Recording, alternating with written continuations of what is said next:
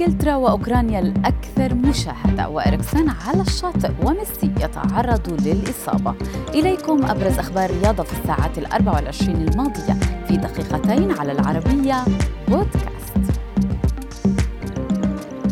كشفت هيئة الإذاعة البريطانية بي بي سي أن مباراة انتصار إنجلترا على أوكرانيا في ربع نهائي كأس أوروبا مساء السبت.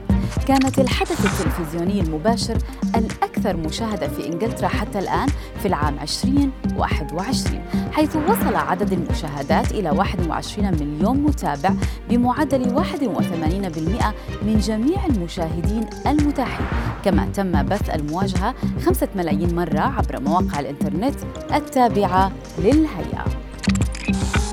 وصلت حملة التبرعات للطفلة الألمانية التي شهدت تبكي في ملعب ويمبلي خلال هزيمة منتخب بلادها أمام إنجلترا في كأس أوروبا إلى 26 ألف جنيه استرليني القصة بدأت عندما انتشرت صورة لهذه المشجعة وهي تبكي بسبب خروج المانشافت من السباق الأوروبي.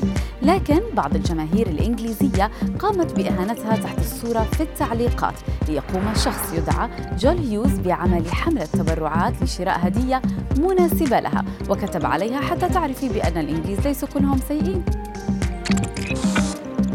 أول صورة له خارج المستشفى وبعيدا عن المعدات الطبية ظهر إريكسون مبتسما في صورة على الشاطئ مع أحد المعجبين الصغار. يبدو أن معنويات إريكسون مرتفعة حاليا بعدما تأهل منتخب بلاده.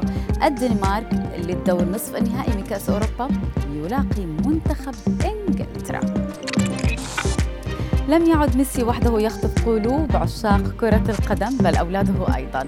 بعدما نشرت أنتونيلا زوجة ميسي صورة لأبنائها الثلاثة تياغو وماثيو وكييرو وهم يحتفلون بفوز والدهم على الإكوادور صباح اليوم. وفي لقطة طريفة قام أحد أعضاء الجهاز الفني الأرجنتيني بإصابة ميسي في وجهه أثناء الاحتفال بالتأهل إلى نصف النهائي لكن الرجل كفر عن غلطته بفرك وجه ميسي. أعتقد أنه ألمه أكثر بهذه الطريقة.